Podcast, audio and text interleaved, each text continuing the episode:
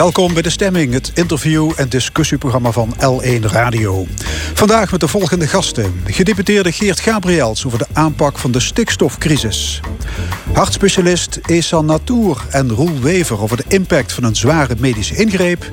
En de muziekliefhebbers Harry Prenger en Dave Reumers over de opmars van de vinylplaat. In het tweede uur antropoloog Henk Driessen over de noodzaak van humor, de smeerolie van onze relaties.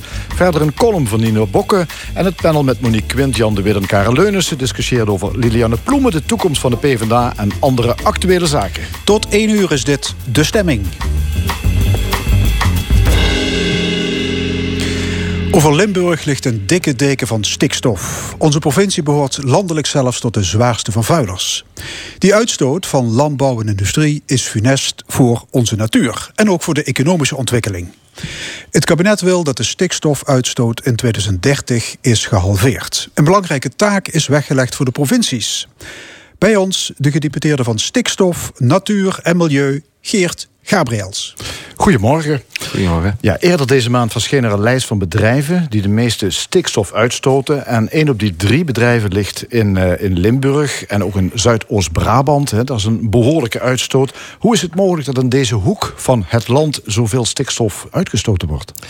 Uh, ja, dat is enerzijds natuurlijk doordat hier een grote hoeveelheid intensieve veehouderijbedrijven uh, zich bevinden. En anderzijds zijn er ook bijvoorbeeld bedrijven als Rockwool die ook veel stikstof uitstoten. maar de, de, de, kern van de intensieve veehouderij ligt in Zuidoost-Brabant en, en in het ja, Noord- en Midden-Limburg. Ja, ja. En, en naast stikstof trouwens is er ook heel veel ammoniakuitstoot. En daar hoeven we hoef ook niet blij van te worden. Nee. nee, nee. U noemde al uh, Rockwool in Roermond en Gemmelot in Geleen. Dat zijn bedrijven, bedrijventerreinen waar heel veel uitgestoten wordt. Zelfs als je het op de land, in de landelijke top 100 van stikstofuitstoters uh, neerzet... staan die bedrijven gewoon in de top 3. Dus dat, het is wel echt een serieus probleem. Ja, dat is zeker een probleem. En uh, er wordt ook vaak gezegd van heel veel komt uit het buitenland. Hè. Ongeveer de helft van de stikstofuitstoot komt ook in Limburg uit het buitenland. Maar dat neemt niet weg dat wij ook hier een taak hebben om... om ja, laten we zeggen, gelijkmatig over sectoren ook iets aan emissies te doen. Anders halen we de doelstellingen niet. Ja. Uh, uh, stikstof is heel slecht voor de natuur. Dat is bekend. Hè? Dat is ook het, het, het grote probleem. Uh, Rockwool, denk ik, ja, dat ligt vlak naast het Nationaal Park de Mijnweg. Is zoiets ook zichtbaar in zo'n park? Kun je dat zien dat er te veel stikstofuitstoot is? Uh, Jazeker. Kijk, natuurlijk is het ook voor heel veel mensen een abstract probleem. Hè? Stikstof, wat doet dat? Uh, je hebt natuurlijk bedrijven die stoten uit voor de deken. Dus echt hoog. En dat komt dan op heel veel plekken in Nederland terecht. Maar er zijn ook bedrijven die meteen van invloed zijn op Natura 2000 gebieden en andere natuurgebieden in de omgeving. En je kunt dat zien, want laten we zeggen, het is een vermestings- en verzuringsproblematiek. waardoor je ja, stervende bossen ziet, maar anderzijds ook Um, uh, ja, verruiging, de, verbramen, meer, meer bramen, grassen. Uh, de, de, de, de voedselarme soorten worden verdrongen door voedselrijke soorten. Waardoor het eigenlijk eentoniger wordt en de biodiversiteit enorm afneemt. Ja, dus wie het wil zien, die kan het probleem wel degelijk zien. Het is niet zo abstract. Nee, jij, kijk, heel veel mensen zeggen, je fietst ergens door een natuurgebied en je denkt, oh wat mooi groen. Maar je ziet dan niet direct uh, dat daar een grote afname is van de biodiversiteit. Maar als je echt een tweede keer kijkt met die bril, dan zie je gewoon uh, ja, toch een, een, enorme afname. En veel bramen, veel varens, veel grassen uh, en weinig andere type soorten, zowel in planten als in, als in fauna. En dat is natuurlijk ja, dat is niet wat we willen. Biodiversiteit moet gewoon herstellen. Ja. Heeft die hoge stikstofuitstoot heeft die ook gevolgen voor de mens? Het heeft gevolgen voor de mensen om, doordat, onze, um, doordat, wij eigenlijk, doordat de natuur verzuurt en, uh, en vermest. Dus, dus het heeft effect op, op, op onze leefomgeving en de afname van de biodiversiteit. En ja, dat is zeker ook voor de mens uh, van belang. Ja, maar het is niet direct niet schadelijk voor ons. Niet direct. Nee. Uh, opvallend is dus dat het stikstofniveau in Nederland en in Limburg... het is gewoon veel te hoog toch uit cijfers van het RIVM zie je dat de uitstoot wel ook al jaren al daalt. Dus je zou kunnen zeggen, we zijn op de goede weg. Als we zo door blijven gaan, komt het wel goed. Het, is, het, is een, het accumuleert, hè, ook in, in, in natuurlijke systemen. Dus het is ook zo dat datgene wat je uitstoot... het is niet dat dat ook na jaren afgebroken wordt. Het accumuleert in, in ecosystemen. Uh, het is zeker zo dat er natuurlijk ook best wel wat agrariërs gestopt zijn... vanwege gebrek aan opvolging of onduidelijke regels vanuit het Rijk. Uh, waardoor dat er ook al automatisch uh, minder uitstoot is... Uh, ik neem een voorbeeldje. De Ensi-fabriek heeft ook een vergunning voor het uitstoten van veel stikstof. En die, die is nu niet in, in dienst. Uh, dus, uh, dus ook daar is er, is er een, een, afname gaande. Wat er wel heel veel gebeurt, is dat dan dus ruimte die ontstaat, dat die dan ja, verkocht wordt voor andersoortige ontwikkelingen. Dat is dan salderen, noem je dat. Um, en dan kun je daar andere ontwikkelingen mee, mee, mee organiseren. maar zo neemt het niet af. Dus, dus het, het is zeker zo dat het afneemt, maar dus nog niet voldoende om te spreken van gezonde ecosystemen en een gezond systeem. Ja, u zegt het accumuleert. Dat betekent eigenlijk de stikstof die al uitgestoten is, die blijft gewoon ook in de natuur aanwezig en blijft zijn werk doen. Dus ja. alleen een afname in de uitstoot betekent niet dat er een minder groot probleem is. Nee, en daarom zie je ook dat in heel veel natuurgebieden ook vaak geplacht wordt of uh, zaken langs beken weggehaald worden. Uh, dat is dan voedselrijkheid wordt dan afgeplakt en dan kan voedselarme soorten kunnen dan weer, uh, weer groeien. Ja. Um, het stikstofniveau is te, hoog dus. De rechter uh, die heeft in 2019 besloten uh, dat de natuur niet goed genoeg beschermd wordt in Nederland tegen de stikstofuitstoot. In 2019 belandde de stikstofwetgeving daarom in de prullenbak, om het even eenvoudig samen te, te vatten. Welke gevolgen heeft dat voor bijvoorbeeld bouwprojecten, infrastructuurprojecten in Limburg? Um, heel veel gevolgen, uh, want elke, elk project dient een, een, natuurvergunning te hebben. Dus dat is dan een stikstofvergunning, waarmee je dan moet aantonen dat je de natuur niet verslechtert. Um, dat dus die, die, omdat er gewoon geen ruimte is en de natuur dus niet op peil is, is het heel moeilijk om die vergunningen te verlenen. Uh, dus enerzijds voor nieuwe projecten is het moeilijk om te verlenen, maar er zijn ook bestaande projecten die door uh, het, ja, het, het, het, in de prullenbak belanden van die wetgeving um, plotseling met een vergunning zaten die niet meer geldig is. Dus die eigenlijk ja, in goeder trouw gehandeld hebben, maar illegaal geworden zijn. Dat noem je de pasmelders, de, de programmatische aanpak stikstof, uh, waarmee uh, ja, die dus gesneuveld is. Het zijn veel boerenbedrijven, geloof ik. Het zijn veel boerenbedrijven ja. en die hebben dus uh, te goeder trouw gehandeld, maar die hebben dus eigenlijk zitten ze dus nu dan ja, tussen twee aanhalingstekens illegaal, omdat ze dus geen werkende um, um, vergunning hebben. De minister heeft daarvan gezegd dat zij die pasmelders wil gaan legaliseren. Dat staat ook in de wet, dat moet gaan gebeuren. alleen moet je daarvoor maatregelen treffen die dan dus dus ook echt stikstofruimte uh, opleveren. En daarvoor hebben wij in Limburg hebben wij een opkoopregeling... Uh, waarin uh, piekbelasters nabij natuurgebieden zich vrijwillig kunnen melden. Um, en door die... Um, doordat die opgekocht kunnen worden, komt er ruimte vrij die dan dus gaat naar de legalisatie van de zogenaamde pasmelders. Ja. Dan ben je dus nog niet met reductie bezig. Dat is nee, puur nee. het legaliseren van datgene wat nu geen vergunning ja. heeft. Maar even terug naar die grote projecten. Want um, Gemmelot wil een campus bouwen na, nabij de, bij het campus, bij het uh, bestaande Gemmelot-terrein. Ik geloof dat is bijvoorbeeld een, zo'n voorbeeld van wat, een project wat nu niet uitgevoerd kan worden. Ja, ik weet niet precies de lijst met projecten die Um, die wel of niet uitgevoerd kunnen worden. Wat wel zo is, is dat als bedrijven een bestaande vergunning hebben, dan kunnen ze intern salderen. Dus binnen die vergunning kunnen ze intern kijken wat ze ja. kunnen doen. Dat iets minder doen, dat iets meer doen. Waardoor je intern kan schuiven. Uh, ook dat uh, is, is, uh, staat een beetje ter discussie. net zoals dat je een ander bedrijf kan opkopen met uitstoot. Wat je dan voor je eigen ontwikkeling kunt gebruiken. Dus er zijn ontwikkelingen, infrastructurele projecten, bedrijfsprojecten. Die inderdaad last hebben van het feit dat er geen ruimte is. En dat ze dus geen vergunningen kunnen krijgen. Dat zijn projecten die we met z'n allen willen, maar dat zijn misschien ook projecten die we misschien in mindere mate als maatschappij ja, willen. Maar ik had zo'n lijstje kwam ik tegen het Gemmelot-terrein, dus de Gemmelot Campus in Geleen. Klopt. Een uh, railterminal, railterminal in Venlo. Uh, Venlo. Uh, de ontwikkeling van de haven in Stijn, uitbreiding van de haven in Heijen, het bedrijventerrein Smakterheide in Venray. Het zijn projecten echt over de hele provincie verspreid. En daar kan dus nu niks gebeuren. Ik denk dan, Gemmelot veroorzaakt zelf veel stikstofuitstoot en kan nu dus niet uitbreiden met die campus. Dus het bedrijf um, ja, valt eigenlijk in zijn eigen mes. Um, zal dat ertoe bijdragen dat bedrijven eerder de ernst van de situatie inzien? Um, ja, want uh, het is gewoon een juridische wetgeving en je hebt die vergunning nodig. Maar nogmaals, je kunt dus extern en intern salderen, waardoor ja. dat je ruimte kan creëren. Ja, dat is eigenlijk handel in stikstofrechten. Ja, precies. precies. Ja. En, maar dat is dus niet reductie. En dus dat is niet een, een onderdeel van de oplossing.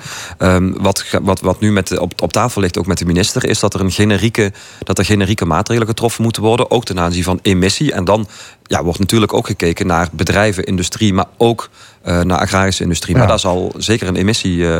Regel komen. Ja, we, rijden, we mogen er maar 100 op de snelweg rijden overdag. Dat heeft ook met de reductie van stikstof te maken. dat is allemaal dus blijkbaar nog niet genoeg. waar moet nu in Limburg echt iets gaan gebeuren?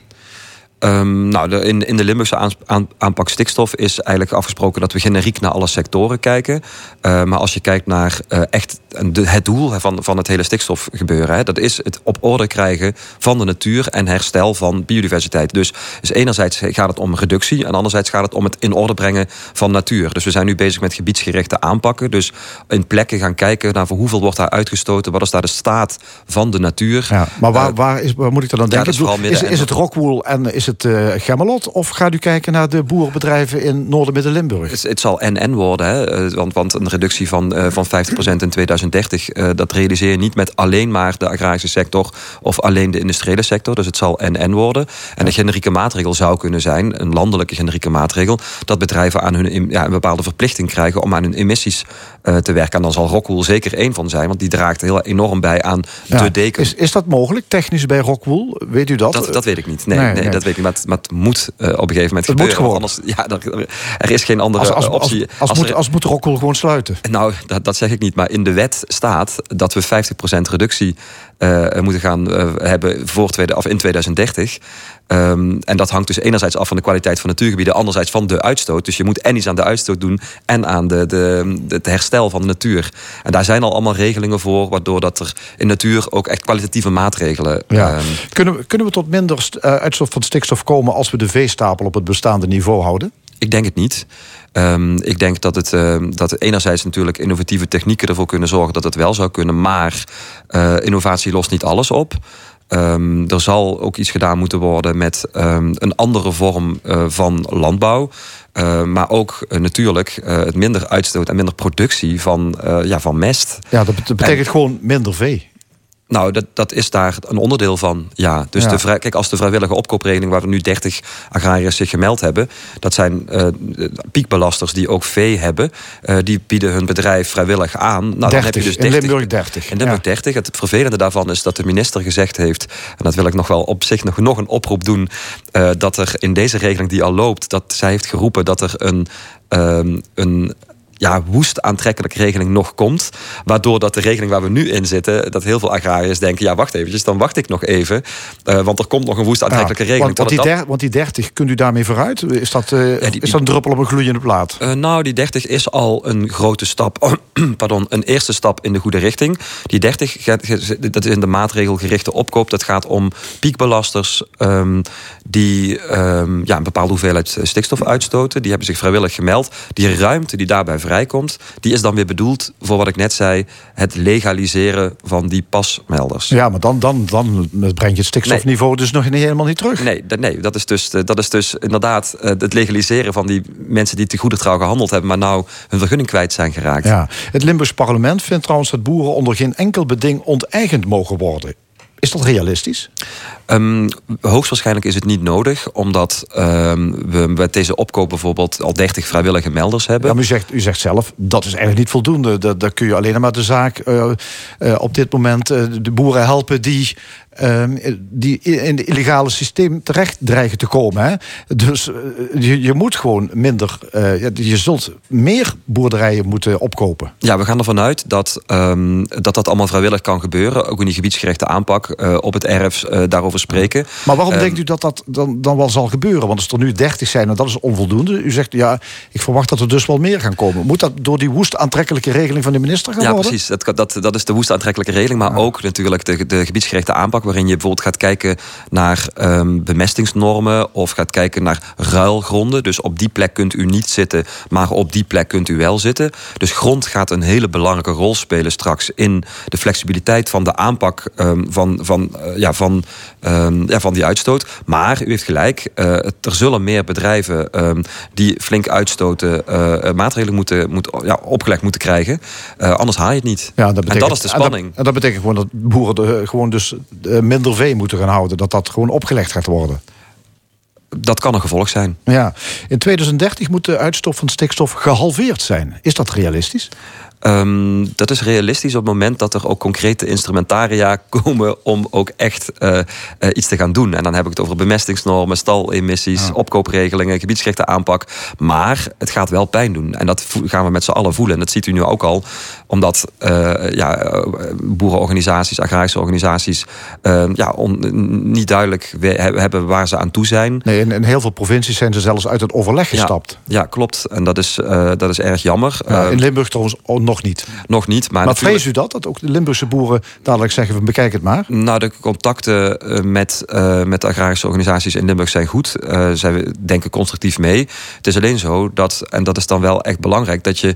Kijk, je, hebt een al, je kunt algemeen zeggen van oh, de 50% reductie en uh, we hebben moeite met vergunningverlening, dat is het probleem. Maar ergens moet het concreet gaan worden en zal het ergens pijn gaan doen. Ja. En dat is dus in die agrarische uh, gebieden uh, ook voelbaar. En dat, dat snappen wij heel goed. is pijnlijk. Ja. ja René Klaas is fractieleider van de PVV in Provinciale Staten. Hij twitterde naar aanleiding van uw komst hier naar dit programma en met dit onderwerp.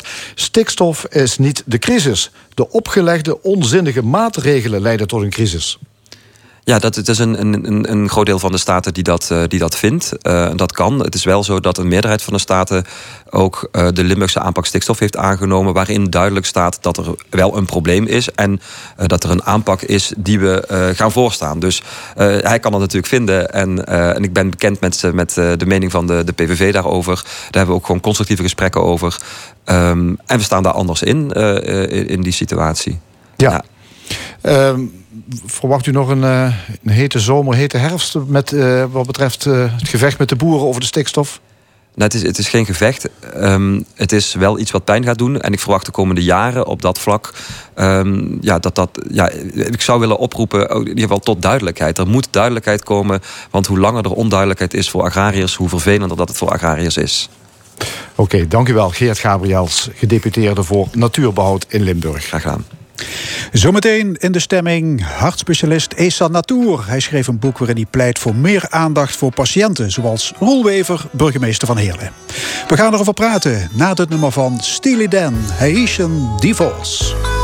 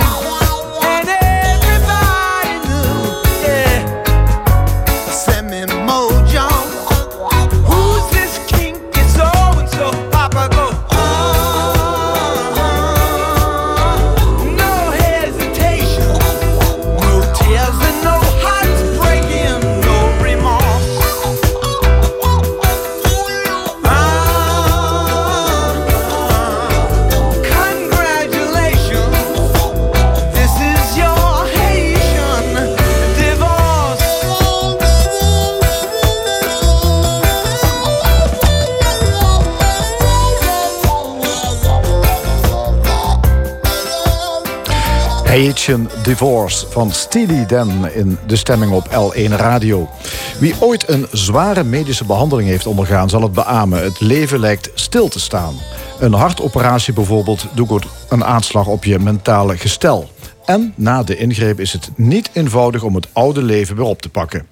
Hartspecialist Isan Natour pleit daarom voor meer aandacht voor het welzijn van de patiënt. Hij schreef er een boek over, Als het leven stilstaat. Natour is hier en ook een van zijn patiënten. En dat is Roel Wever, ook wel burgemeester van Heerlen. Welkom, heren. Meneer Natour, op de achterkant van uw boek staat... meer menselijkheid in de geneeskunde. Is op dat punt nog veel te doen? Dank u wel voor de uitnodiging en voor de mogelijkheid erover te mogen praten. Er is meer te doen. Meer menselijkheid betekent niet dat er geen menselijkheid daar is. Er is genoeg, uh, zijn genoeg mensen daarmee bezig om dat nog beter te maken.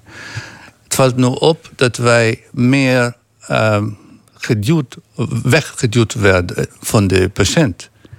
Niet omdat wij dat niet meer belangrijk vinden, omdat wij andere opdrachten inmiddels krijgen. Administratieve werk, um, enzovoort enzovoort. Ja, en, u, en ik lees in uw boek dat u een goede arts-patiënt-relatie... dat dat een positieve invloed heeft op het genezingsproces. Waarom is dat zo? Dat is ongetwijfeld het geval, want die patiënt is overnacht tot patiënt geworden... onvoorbereid in, uh, in, in deze traject. En hij heeft eigenlijk alle mogelijke hulp nodig om met vertrouwen in deze reizen in te gaan. En wie niet, als het niet zijn arts is. Ik vind dat wij absoluut de eerste adres moeten zijn voor vertrouwen. Voor onze ja, dus u gaat met iedereen die u opereert, gaat u kennis maken. En of het nou een bypass is of een hartklep, maakt niet uit. U gaat de patiënt opzoeken. Ja, in feite zou het zo moeten zijn. Helaas lukt het niet altijd, want er zijn gevallen die spoedig zijn of een collega is afwezig door omstandigheden dat je niet met de patiënt op dat één moment kan praten. Maar de contact met de patiënten moet uh, direct mogelijk zijn. Ja, en u raakt, de, u raakt de patiënt ook aan, gewoon fysiek. Waarom is dat contact zo belangrijk? Nou, ik, ik ben van mening dat aanraking is, uh, is warmte en nog meer vertrouwen geven. Want als je iemand aanraakt, heb je een zogenaamde aanrakingshormoon wat vrijgezet wordt. Uh, en dat beïnvloedt het limbische systeem, waar emoties daar okay. ontstaan. Maar dat doet u ook bij hele enge mensen? Ja, natuurlijk. Maar enge mensen zijn niet gevaarlijk voor mij. Enge mensen zijn ook patiënten. Ja. Wij, opereren soms ook enge mensen. Zeker, zeker. Maar voor veel collega's van u is het gewoon lopende bandwerk. Hè? Opensnijden, repareren, dichtnaaien en hup naar de IC. Dus misschien willen zij de patiënt wel helemaal niet leren kennen van tevoren. Ja, er zijn mogelijke uh, mechanismen die erachter zitten. Waarom mensen, waarom collega's dat vermijden. Ehm, ik heb gekozen daarvoor dat dat. Dat wel te doen. Dat, exact, niet te laten, even te doen. Om even meer vertrouwen om het genezingsproces toch te kunnen beïnvloeden. Roelwever, u bent burgemeester van Heerlen. U bent door Natuur geopereerd. Uh, kwam hij inderdaad van tevoren aan uw bed staan? Sterker nog, hij is bij mij op bezoek geweest in het gemeentehuis. Uh, ik had uh, in oktober een hartstilstand gehad, oktober 2020. En ik had geschreven op, op mijn social media dat het leven letterlijk even stil stond. Want ik had een hartstilstand gehad. Uh, en ik ben er altijd heel open over geweest. Okay, en, dus hij heeft zelfs de titel van, uw boek, van zijn boeken van u gejat. Nou, nee, nee de, de, dokter Natuur was zo geweldig. Die belde mij op en hij zegt... Uh, ik ga u opereren. Vindt u het goed als ik langskom? Ja, uh, ja dat vond ik geweldig. Ja, het is niet niks, hè? Zo'n zo'n operatie. Daar zie je, neem ik aan, als een berg tegenop. Dan is het prettig als de specialist langskomt en ook dingen uitlegt. Ja, uh, dat, uh, het is, dat is heel prettig. Het is gewoon heel fijn om te voelen dat er een arts is die om je geeft. dokter Natour zei het ook, hè, die gewoon je aanraakt en die gewoon bij je is. En die zegt, ik, ik zal het niet verhullen, het is een zware operatie... maar ik heb het al zo vaak gedaan, het gaat goed en we gaan het gewoon goed doen... en je komt er weer doorheen. En ik heb in, in het kader van de voorbereiding van dat boek... ook een paar gesprekken mogen voeren met een journalist... Hè, om nou, aan te geven wat er door je heen gaat uh, in die tijden ervoor, maar ook daarna. Uh, en dat helpt wel. Dat ja, is gewoon het heeft geleid tot meer kalmte en minder stress. Ja, absoluut. Ik, ik ben best wel uh, een angsthaas. En die angst voor de dood, die was er echt ook wel. Um, en ik ben toch redelijk rustig de operatie ingegaan. Zo kende ik mezelf eigenlijk niet. Ja. Dus uh, dat heeft absoluut geholpen. Um, en het blijft spannend, want het is gewoon een uh, zware ingreep. Ja. ja, in oktober 2020 werd u onwel in de, ja. in de sportschool. En de diagnose was een verstopte kransslagader. Ja. Hoe, hoe kom je aan zoiets? Ja, zeg het maar. Ik dacht dat ik heel gezond was. Ik leefde gezond, ik sportte. Anders sta je ook niet in de sportschool te rennen. Ik had uh, het jaar daarvoor nog een marathon gelopen. Uh, dus Misschien komt de tabel door. Ja, ja van een marathon. Uh... Meneer Naartoe, hoe kom je aan zoiets? Je leeft gezond, je sport. Ja, er zijn bepaalde factoren die wij kennen die ontstekingen aan de vaatwand veroorzaken. Uiteindelijk is dat de oorzaak voor uh, die uh, verkalking van de vaten en verstoppingen. En er zijn bepaalde factoren die wij kennen en andere die wij niet kennen. Hmm. Bijvoorbeeld de hoge cholesterol in het bloed. Uh, Erfelijke factoren misschien? Ja, die komen zeker ook voor. Daar hebben wij voldoende jongere patiënten die ook verstoppingen in hun vaten hebben, die ook bypasses moeten hebben. En dat is erfelijk. Ook. Hoe lang heeft de revalidatie geduurd, meneer Wever? Um, drie maanden. Drie uh, maanden? Ja, ik, ik, ik, ben eind januari geopereerd en ik ben eind april weer begonnen, uh, vorig jaar. Ja, meneer Natuur, de, de meeste patiënten die denken alleen maar aan het moment dat de operatie achter de rug is. En u vindt dat, ik citeer het boek, een fatale misvatting. Dus je kunt je oude leven niet zomaar voortzetten na zo'n zware ingreep? Ja, dat is inderdaad zo. Want uh, zodra dit event gebeurt, is je leven veranderd. En vanaf dat moment wil je eigenlijk niet vanuit de comfortzone uitkomen. Je wil terug naar normaal, naar jouw zekere uh, bubbel. Ja. En dat zal nooit meer zo zijn. Waarom is het zo? Omdat je uh, in onze vakgebied bijvoorbeeld, als het een hartoperatie is, een aanslag op je lichaam heeft onder uh, moeten gaan. En dan kom je in bepaalde limitaties naar zo'n ingreep die jouw nieuw leven gaan uh, bepalen. En dat is jouw nieuw normaal. En daar moet je naartoe eigenlijk. Roelwever, bent u aan een nieuw leven begonnen? Ja, wel, want uh, ik had er ook niet meer kunnen zijn. Dus het is voor mij een tweede kans. Uh, en um, het kost... Ja, maar, maar, u ging al na drie maanden aan de slag. En je bent burgemeester 7 keer 24 ja. uur. Ja. Heeft u toch een manier gevonden om het iets rustiger aan te doen? Oh, een gewetensvraag eigenlijk niet. uh, nou, ik, ik, ik, heb echt hard moeten werken. Die drie maanden heeft me echt heel veel pijn, zweet gekost. Uh, en ik wilde al eerder beginnen. Dat hielden de artsen gelukkig af. Uh, en misschien ben ik achteraf nog iets te vroeg begonnen. Uh, maar ja, je duikt er weer in. Ik was ook nog niet zo lang bezig met die baan. Nee. En het was geweldig. En ik vind hem geweldig. En het is zo leuk om te doen. En hoe voelt het zich nu? Uh, goed, ik voel me eigenlijk hartstikke goed. Ja, ik, ik heb een hernia, dus dat is minder. Okay. Uh, maar ik, nee, in mijn werk voel ik me goed, het, het gaat goed.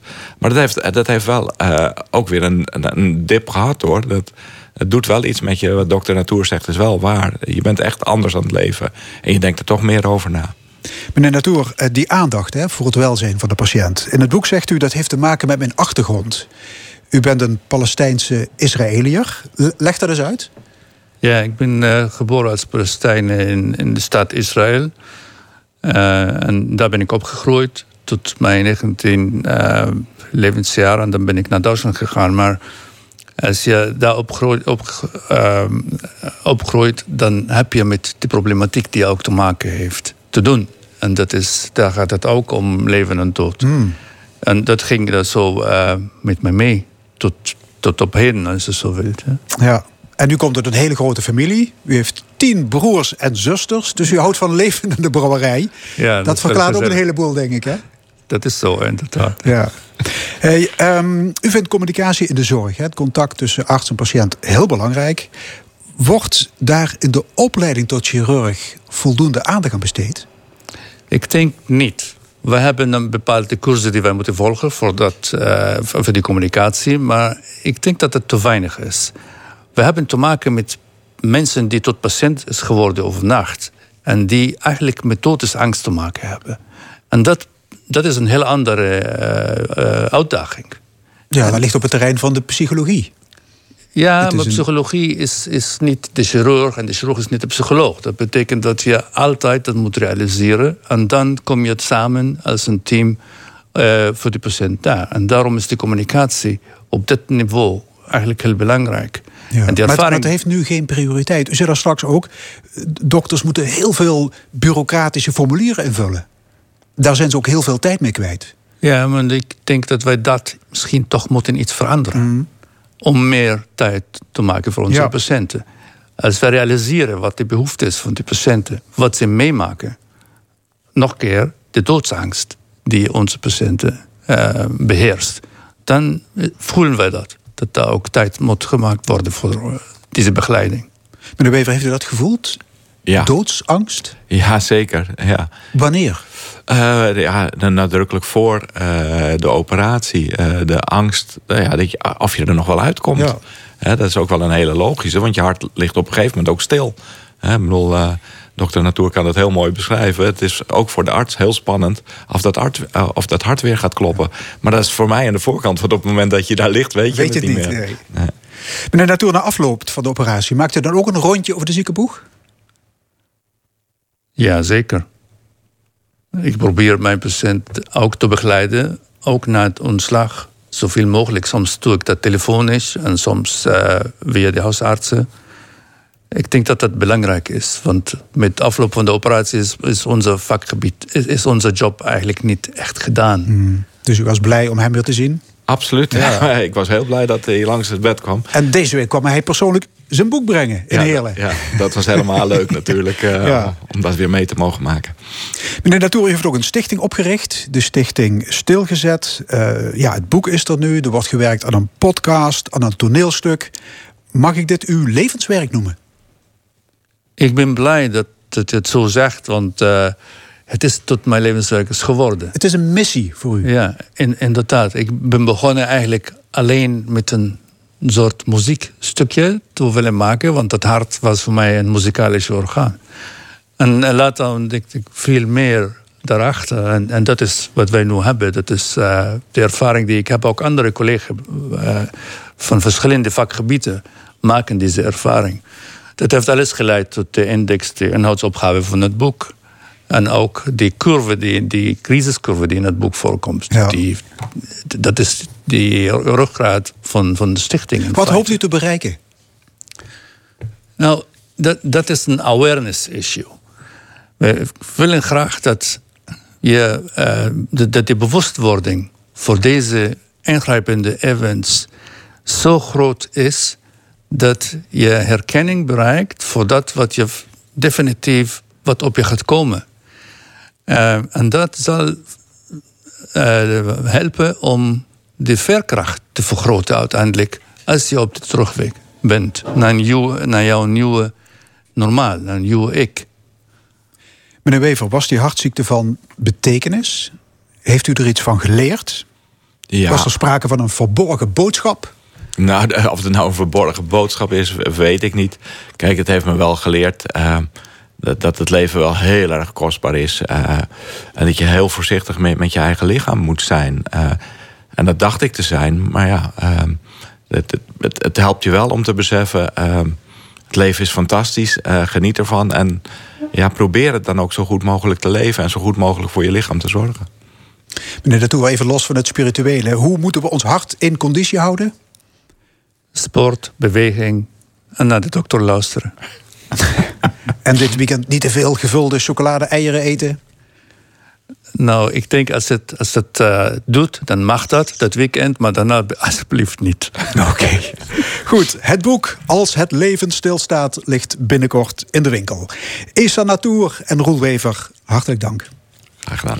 Graag gedaan, dank u. Vinyl is weer helemaal terug. Over de liefde voor de LP hebben we het zo meteen in de stemming. Dat doen we na Warren Zevon. Keep me in your heart.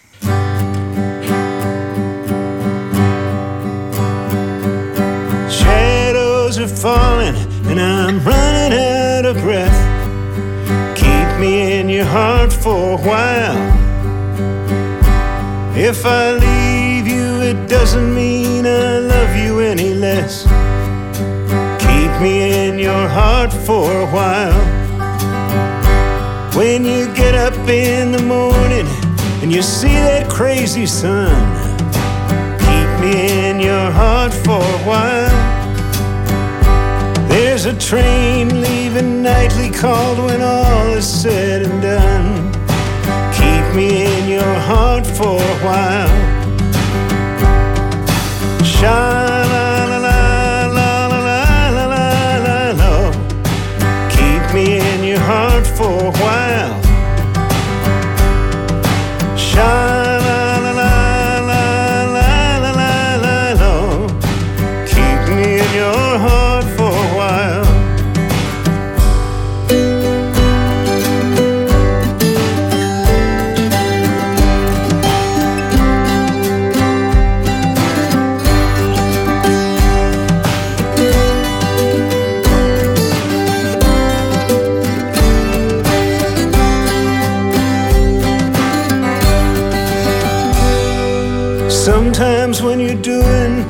things around the house, maybe you'll think of me and smile.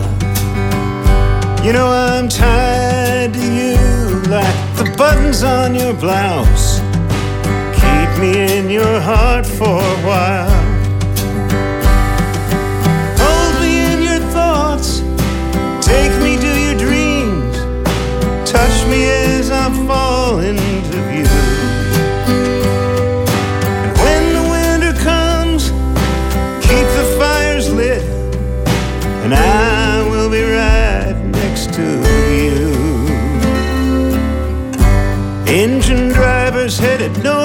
Pleasant Stream.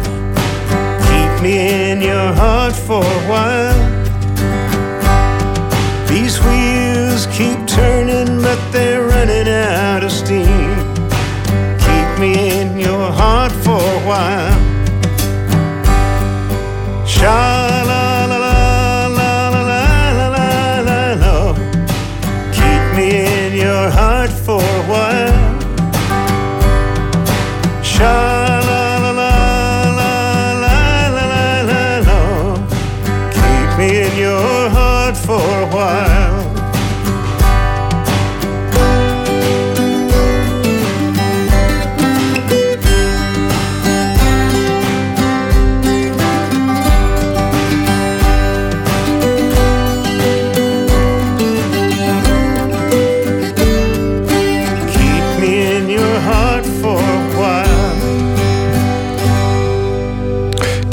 In Your Heart, Warren Zevon.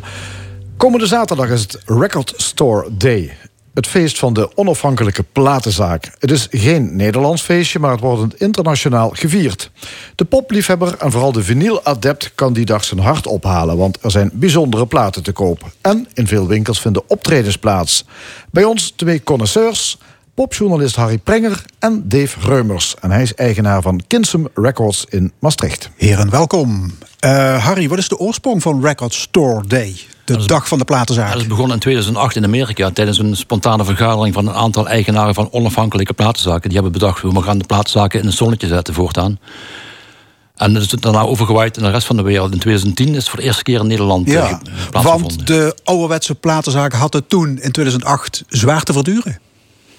Nou, je moet het zo zien. In Amerika had je een verschil tussen de onafhankelijke platenzaak en de platenzakenketens. Dat was toen in Amerika heel erg eh, aanwezig. In Nederland is dat wat minder. Maar het is eigenlijk vooral bedoeld om de platenzaken wat meer eh, onder de aandacht te brengen. En ja, die waren toen, en in 2008 was het inderdaad wat minder qua omzet. Maar dat is nu wel sterk veranderd. inderdaad.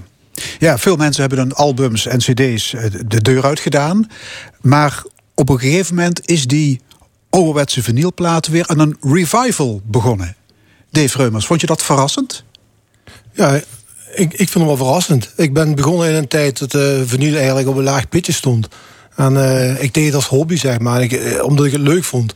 En, en nu is het een keer, eh, in, zeg, maar, vooral de laatste twee jaar is het eigenlijk ontzettend rap gegaan hoeveel mensen in één keer eh, weer vinyl kopen. Ja, vorig jaar was de verkoopstijging in Nederland spectaculair. 66% meer omzet voor het zwarte goud. Ja, Ja, dat is, dat is veel. Ja. Waarom kopen mensen vinyl? Ik heb, ja, dat, dit is persoonlijk. Nee. Ieder- Iedereen heeft, een, heeft daar een andere dingen van. Maar ik, ik, eh, ik denk dat eh, mensen willen weer iets in hun handen hebben, zeg maar. Mensen willen iets verzamelen, denk ik ook. Het geluid is natuurlijk interessanter eh, voor, voor veel mensen dan, dan alleen maar Spotify. Dan, dan, dan geniet je ook minder van de muziek, heb ik het idee. Ik denk als je een plaat opzet, geniet je veel meer. Dan Dus jongeren willen gewoon iets, iets, iets tastbaars. Ja, ja, ja. Dus die willen Ja, een een plaat in hun hand houden. ook, ook een boek misschien. Want ja, als je alles via de e-reader doet en via Spotify... dan heb je gewoon niks. Inderdaad. En het is ook zo eh, vaak als je, als je muziek luistert via Spotify of zo, via de radio, dan gaat het ene oor in het andere oor uit. Dan ben je ook niet echt bezig daarmee, heb ik het idee. Terwijl als je een plaat luistert, dan eh, weet je ook de naam van de artiest, dan weet je ook het nummer, dan, dan lees je ook de teksten mee, je ziet foto's, je, dan neem je allemaal veel meer in je, in, je, in je op, zeg maar. Klopt, ja. Ik denk ook dat je, als je je eerste streaming, je eerste download, zal je nooit echt herinneren. Maar je eerste plaat wel, natuurlijk. speelt ook allemaal mee. Dus het fysieke wat Dave zegt, dat klopt heel erg. Is het ook eh, eh, nostalgie? Het platen te hoes halen, op de draaitafel leggen... de pick-up naald laten zakken. Het is bijna een sacraal ritueel. Ritueel, inderdaad. nou goed, ik ben opgegroeid met platen kopen, dus ik weet niet beter. Maar voor jongeren die er nu mee beginnen, ja, die lezen ook van alles in de media. Er is ook de laatste jaren in de media veel aandacht voor geweest, voor vinyl en voor platen. Dus die jongeren pikken dat op. Zien dat het toch iets bijzonders is, voor, voor zover het betaalbaar is. En ja, uiteindelijk heb je er toch meer aan dan een Spotify of een streaming eh, versie.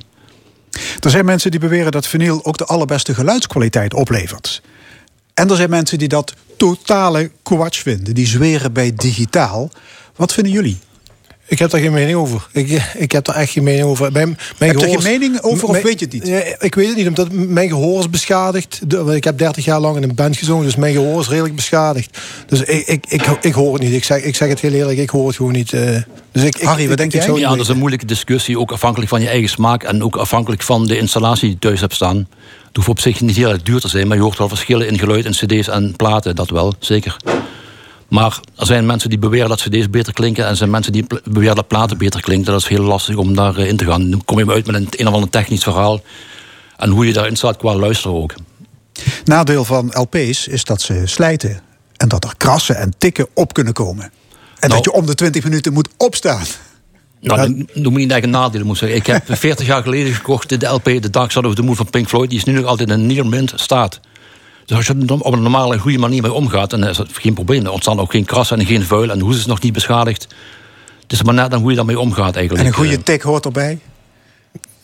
Sommige mensen zeggen van wel, ik vind van niet. Nee, liever niet, nee. Ander veelgehoord nadeel, Harry, je zei het al, de prijs. Die is flink gestegen. Ja, de voor een nieuw album, zeker van de klopt. grotere platenmaatschappijen, betaal je 20, 30, 40 euro. Eh, alles wordt duurder, maar dit is wel heel erg aan de prijs. Hè? Klopt, ja. En dat is ook bijna niet uit te leggen aan klanten. Als je een platenzaak binnenloopt tegenwoordig en je kijkt naar de bakken met nieuwe LP's. Eigenlijk is er maar één product. Je hebt bijvoorbeeld een enkele LP en een enkelvoudige hoes. Dan betaal je soms 25 euro voor. Voor sommige platen 32, voor andere weer 39 euro. En het gaat om hetzelfde plaat, hetzelfde product. Dus bijna niet uit te leggen hoe dat kan. Dave. Reumers, kun jij het uitleggen? Jij hebt een platenzaak. Ik kan het ook niet uitleggen, geen Nee. idee. Want eh, ik, ik bestel platen via, via mijn leverancier, via Bertus. En eh, er zijn bepaalde LP's die kan ik inkopen voor 6 euro. En er, en er zijn andere LP's, die, moet- daar moet ik 34 euro inkoop voor betalen. Terwijl het, wat, wat Harry zegt, precies, precies hetzelfde product is. Dus ik, ik, heb ook geen idee waar, hoe het er komt. Of het de oplagen zijn. Maar dan denk ik vaak, vaak zijn de, de, bands, de, de grotere bands met een grotere oplage... die zouden in principe zouden die goedkoper kunnen of moeten zijn... dan een band die bijvoorbeeld maar eh 500 stuks gaat persen. Maar in werkelijkheid is het net andersom. Ja, precies. Ja, klopt. Ja, En dat vind ik zo raar. Dat klopt. Wat ermee te maken heeft dat zo'n populaire artiest als Billie Eilish of Justin Bieber. Ja, de wereldwijd wordt dat goed verkocht. En die maatschappijen zien dat ook. Dus die, die graaien dan gewoon, die, die leeft daar daarvoor. Die weten dat dat toch goed verkocht Precies, wordt, ja. dus dan kun je vragen Kijk, wat je Billie. Eilish, een nieuwe album wordt in tien verschillende kleuren uitgebracht. En al die fans kopen al die kleurtjes. En dan kun je gewoon 40 euro voor vragen. En mensen kopen het toch gewoon. Ja, dat is, dat is inderdaad. Dat is een, nieuw, dat is een band Ghost. Die hebben, die hebben de laatste plaat uitgebracht in acht verschillende kleuren. En dan komt er een jongen de winkel binnen. Heb je de nieuwe plaat van Ghost? Ja, die heb ik staan. Die staat daar. Ja, oh, je hebt hem op, eh, op eh, roze vinyl. Die heb ik al. De enige die ik nog mis is de blauwe. En dan denk ik van, ja, die kopen, kopen ze gewoon acht keer dezelfde LP. Ja. Kijk, een platenzaak is gewoon een bedrijf dat winst moet maken. Vaak zijn ze onderdelen van een, eh, eh, of een platenwinkel, een platenmaatschappij moet ik zeggen. Het is vaak onderdelen van een investeringsmaatschappij. En die kijken alleen maar naar omzetten, naar aandeelhouders, naar aan beursnoteringen. Die zijn met hele andere dingen bezig dan met ons, dan wat wij mee bezig zijn, met, met muziek bijvoorbeeld. Dus die kijken naar puur naar cijfers. En als die je platen goed kunnen verkopen met heel veel eh, winst, dan zullen ze dat zeker niet nalaten. Dave, je bent eigenaar van Kinsom Records in Maastricht. Ehm, wat verkoop je?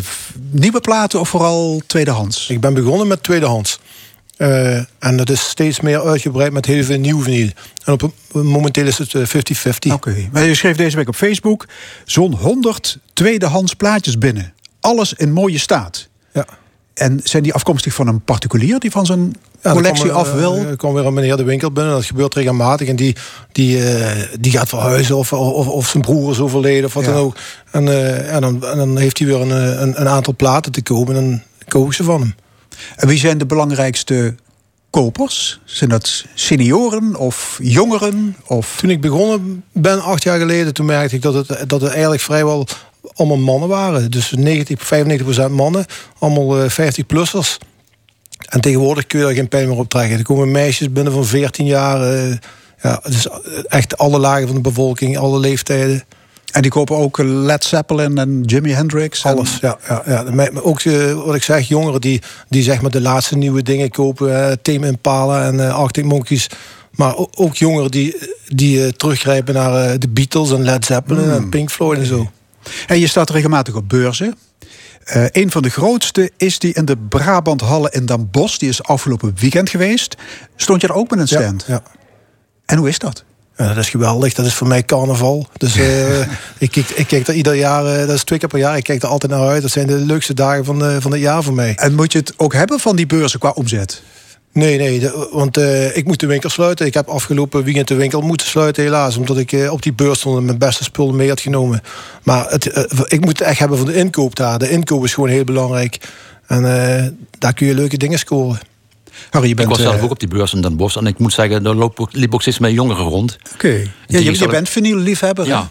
Jij struint vaak dit soort beurzen af. Ik ben toevallig in Den Bosch ook weer eens kijken, de grote beurs. En het was een hele goede ervaring weer om daar eens weer te zijn na de pandemie. Want een tijdje is het niet geweest. Maar ik zag ook wel dat in tegenstelling tot vorige jaren... steeds meer jongeren rondlopen hmm. en platen kopen. En koop je wel eens, of tik je wel eens bijzondere dingen op de kop? Nou, die, die bijzondere dingen zijn vaak onbetaalbaar. Die prijzen worden steeds duurder, ook in tweedehands gebied. Dus uh, wil je eigenlijk bijzonders tegenkomen... dan wordt, moet je ook wel minstens 100 euro vragen, hmm. uh, kopen, uh, betalen tegenwoordig. Kun jij je een leven voorstellen zonder popmuziek?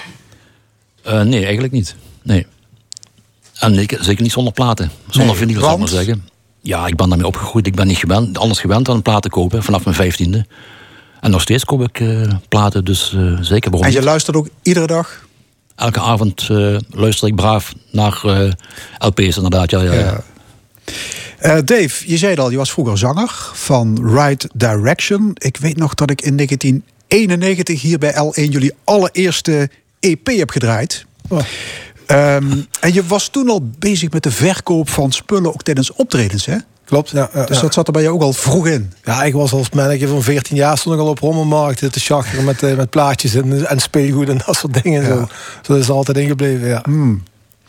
Trouwens, niet alleen vinyls in de lift, ook eh, de cd-verkoop is lichtjes gestegen met 4 Voor de eerste keer sinds het jaar 2000.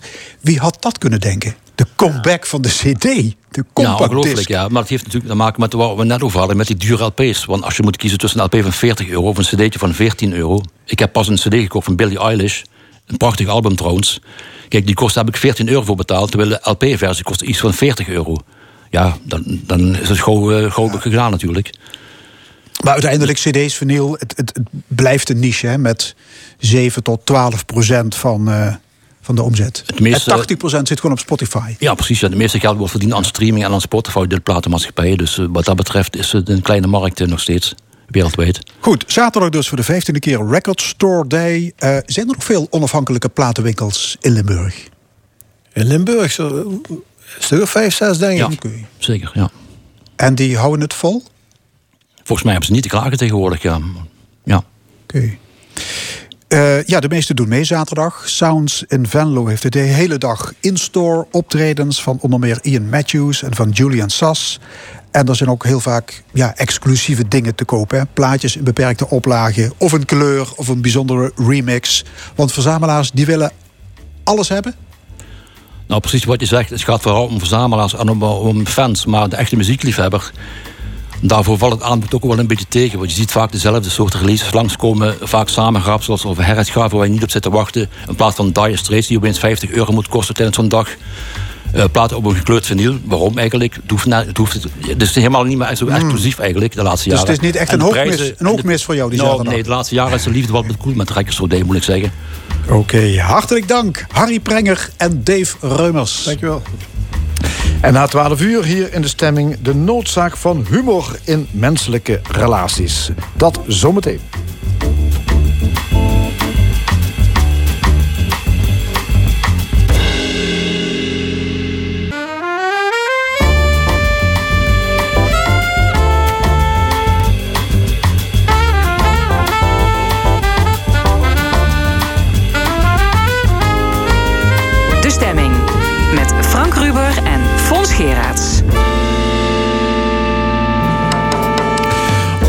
Welkom bij De Stemming en wat allemaal in de tweede en laatste uur. Het panel met de oud-Kamerleden Monique Quint, Jan de Wit en Karel Leunissen discussieert over de toekomst van Sabiek en Netcar en andere actuele zaken.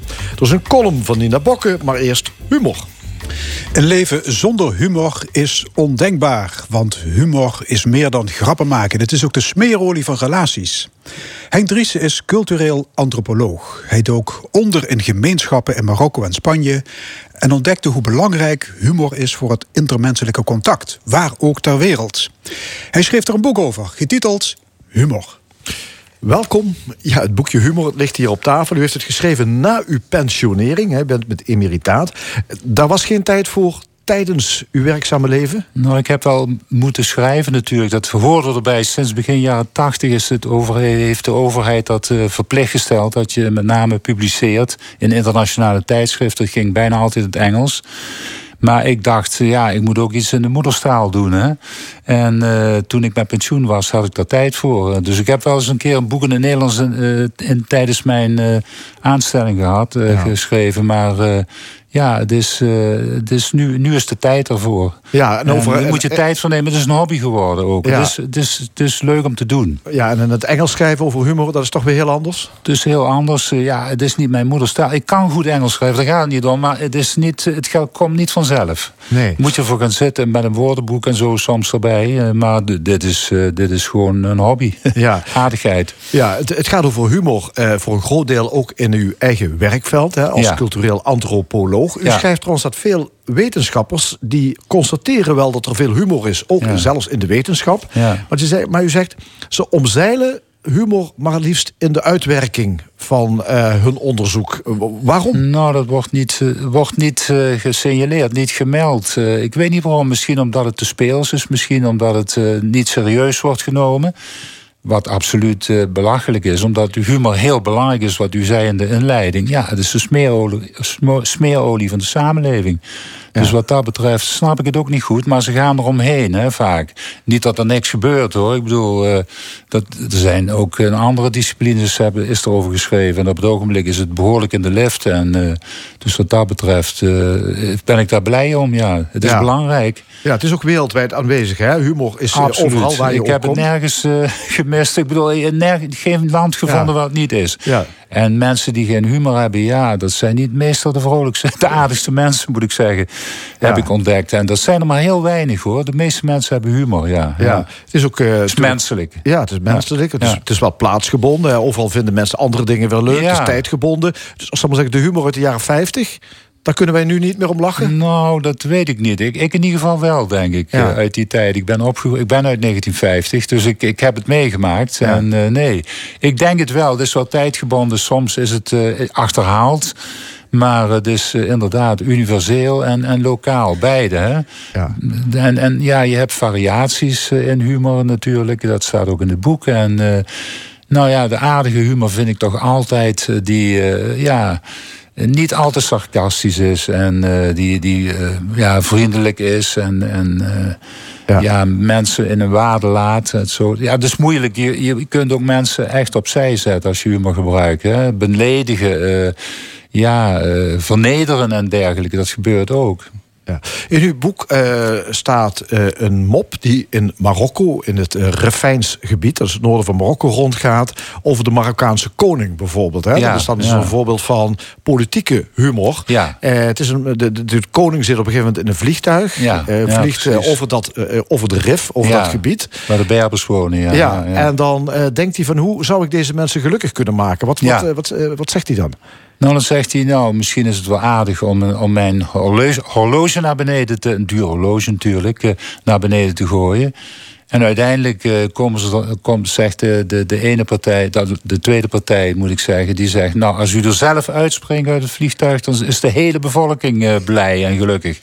Nou, dan moet je dus in een politieke context zien. In een tijd dat de, de voorloper van deze koning, Mohammed, die, was niet altijd geliefd. En uh, was ook een beetje een, een, iemand die wat dictatoriaal was. Ja. En met name ten opzichte van de Berbers, want hij was een Arabier. En ja, er zit altijd spanning tussen Arabier en Berbers.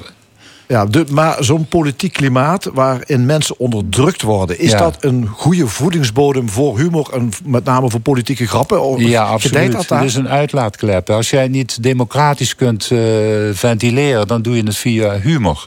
En dat was in dit geval ook. Want ja, die man die, die dat vertelde, die jonge man was het... Uh, die uh, kwam ik toevallig tegen en daar heb ik een hele plezierige avond mee doorgebracht. En uh, ja, die, uh, die, uh, die zou dat niet in zijn eigen land zo makkelijk vertellen. Nee, nee, nee. nee. u schrijft dat er humor bestaat zonder gelach en lachen zonder dat er sprake is van humor. Ja. Dus humor en lachen, dat heeft helemaal niet automatisch... Absoluut hangt die altijd samen, maar het wordt altijd te veel gekoppeld aan elkaar. Je kunt ook lachen zonder dat er een grap verteld is, hè.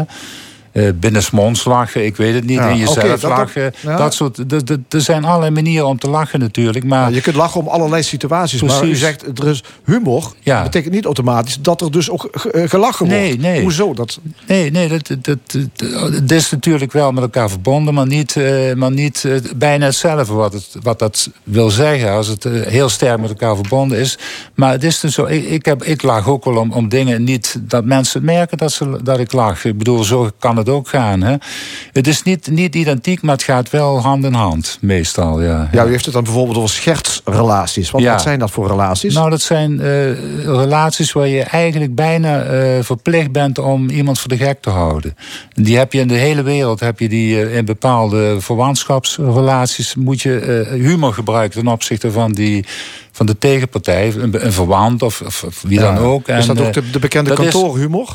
nou, dat is, dat is meer vrijwillig, maar het is wel eh, bijna verplicht geworden. En in Om elkaar kantoren, ja, continu om een beetje elkaar, voor de ja, gek te precies, houden. ja. Dat- Maar je hebt dus inderdaad eh, verwantschappelijke relaties die verplicht zijn om, om elkaar voor de gek te houden. Ja. In verschillende landen, niet in Nederland of zo, niet, niet echt. Ja, misschien heeft u wel een neef of een nicht die, bij wie je dat neigt te doen, maar het is niet geïnstitutionaliseerd. Het is onderdeel van de cultuur, van de samenleving. Ja. Ehm, er zijn mensen met eh, extreme politieke of geloofsopvattingen... ehm, waar je ziet dat, dat humor niet gewaardeerd wordt. Of althans, dat het niet lijkt te bestaan. Ja. Ehm, kent u dat soort situaties? Ja, ik denk het wel. Die zijn er gelukkig niet veel, maar die mensen, ja, die, die eh, kunnen niet relativeren wat ze, waar ze zelf voor staan. Dat is het probleem. En dat zijn fundamentalisten bijvoorbeeld, die, eh, die hebben zelf ook humor, maar, niet, maar dan onder elkaar niet. eh, Daar mag je geen humor over maken, over die mensen. Hè. Onder elkaar wel, als je erbij hoort, dan mag het misschien. Ik heb het nooit meegemaakt, maar ik. eh, maar kijk, als jij humor gebruikt, dan relativeer je ook de situatie. En dat is het punt wat, wat heel belangrijk is: dat men niet de eigen principes wil relativeren. En humor haalt vaak die principes, eh, probeert die in een ander licht te stellen en, eh, en, en, en wat af te zwakken, wat minder fundament- fundamenteel te maken. En eh, dat, dat is wat ik zie alom. Het gaat om dat te relativeren. Dat Ja, is ook bijvoorbeeld relativeren. waarom een, ehm, ja, iemand met een extreme geloofsopvatting... bijvoorbeeld het niet kan waarderen als een cabaretier grappen maakt over dat geloof. Ja, ja dat, dat gebeurt. Ja, dat, het En dat gebeurt. heeft te maken met het dat niet kunnen relativeren. Ja, dat denk ik wel. Want eh, dus per definitie, als jij een grap maakt of humor gebruikt, dan ben je aan het relativeren. Hè? Dan, dan speel je met de waarden van de samenleving. En dat betekent ook dat je ze, neemt, je neemt ze wel serieus, zo daar gaat niet om, maar je kunt, er, je kunt ermee spelen. Hè? En dat, dat is belangrijk. Dat zie je in humor, dat is een spel met, met, met de formaliteit van, van de omgangsvormen bijvoorbeeld. Dat, dat zie je. En uh, dat is heel belangrijk, relativeren. Relativisme is eigenlijk ook de kern van de antropologie. Hè? Uh, omdat we heel vaak onderzoek doen in hele andere samenlevingen, moet je in staat zijn om je eigen waarden en normen een beetje apart te zetten. Uh, tijdelijk dus te relativeren. En dat is wat wij doen als antropoloog. Als ja. jij te veel uitgaat van je eigen normen en waarden, dan kun je die andere samenleving niet begrijpen. Ja, u komt zelf uit Venlo. Ja. Als kleine jongen daar beschrijft u ook hoe u carnaval ja, meemaakte. Ja, ja. ja, want dat is, dat is de kern van humor. Uh, dat omkeren nou, van relaties. Ja, ja van, van, van, van waarde met name. Hè. Dat, alles staat op de kop, hè. zo zeggen ze dat ook. En uh, nou ja, het mooiste voorbeeld wat ik me nog altijd herinner... heb ik als vijfjarige, zesjarige gezien... is dat er een man, een solitair, een, een, een man rond meeliep in, in, in, een, in, een, in een optocht... en die had een, een, een hengel met een vogelkooitje... en daar, daar hing een, een haring in... He? Vond ik geweldig. Die man was gekleed met een bolhoed en zo'n zo'n streepjespak. Zo'n ouderwets uh, streepjespak. Nou, dat zijn geweldige mensen, vind ik. Die, die, die, die weten waar, de, waar het leven om gaat. En je moet het relativeren. En, uh, en ja, dat vond ik het leuk. Dat zit zo diep in mijn uh, geheugen nog. Terwijl ik heel veel dingen vergeet. Zeker op mijn leeftijd. Maar dat gaat nooit weg. Nee, en die die zou je als een soort smeerolie voor onze maatschappij kunnen zien. Maar dat de humor intermenselijk, uh, die hebben wij dus allemaal ook nodig om te kunnen blijven functioneren. Ja, ik vind van wel, ja. ja. Geen fundamentalisme en zo, dat, dat, daar hou ik niet van. Ja, het is, het is persoonlijk, maar het is, ik, ik denk niet goed voor de samenleving, nee. Ja. Er, moet er moet ook diversiteit zijn, ja. ja. ja naast de humor van alle dag zijn er natuurlijk ook de beroepshumoristen. Uh, u groeide op met uh, Toon Hermans, u ja. hè, ik ben van 1950, dus. Toon Hermans bent u mee groot Geweldig, geworden. Hè? een van de beroepshumoristen van de vorige eeuw. Wat maakte hem zo goed? Ja, ik vond, hij was zo emabel. Hè, zo, zo, zo, ja, hij, hij, hij kon zich verplaatsen in andere situaties en daar een grap over maken. Maar dan niet op een, op een akelige manier, niet sarcastisch of gemeen of zo, maar heel prettig en aangenaam. Ik vond het echt een geweldige. Er waren mooie uh, avonden als hij op televisie kwam. Hè. Dat, dat, dat, dat herinner ik me ook heel erg goed. Ja. Mooie dingen heeft hij laten zien. Ja, we ja. hebben een fragmentje van hem. Ja, ik ben blij. Heb van die hele Sint-Niklaas heb ik nooit wat gehad. Ik deed alsof ik niet bestond.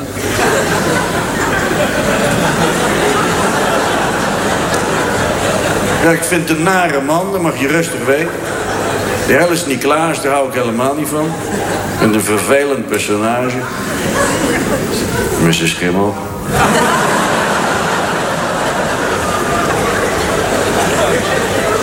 Ja, ik hou niet van die man. Ik heb er weinig mensen een hekel, maar kan die man niet uitstaan. Schijnheilige.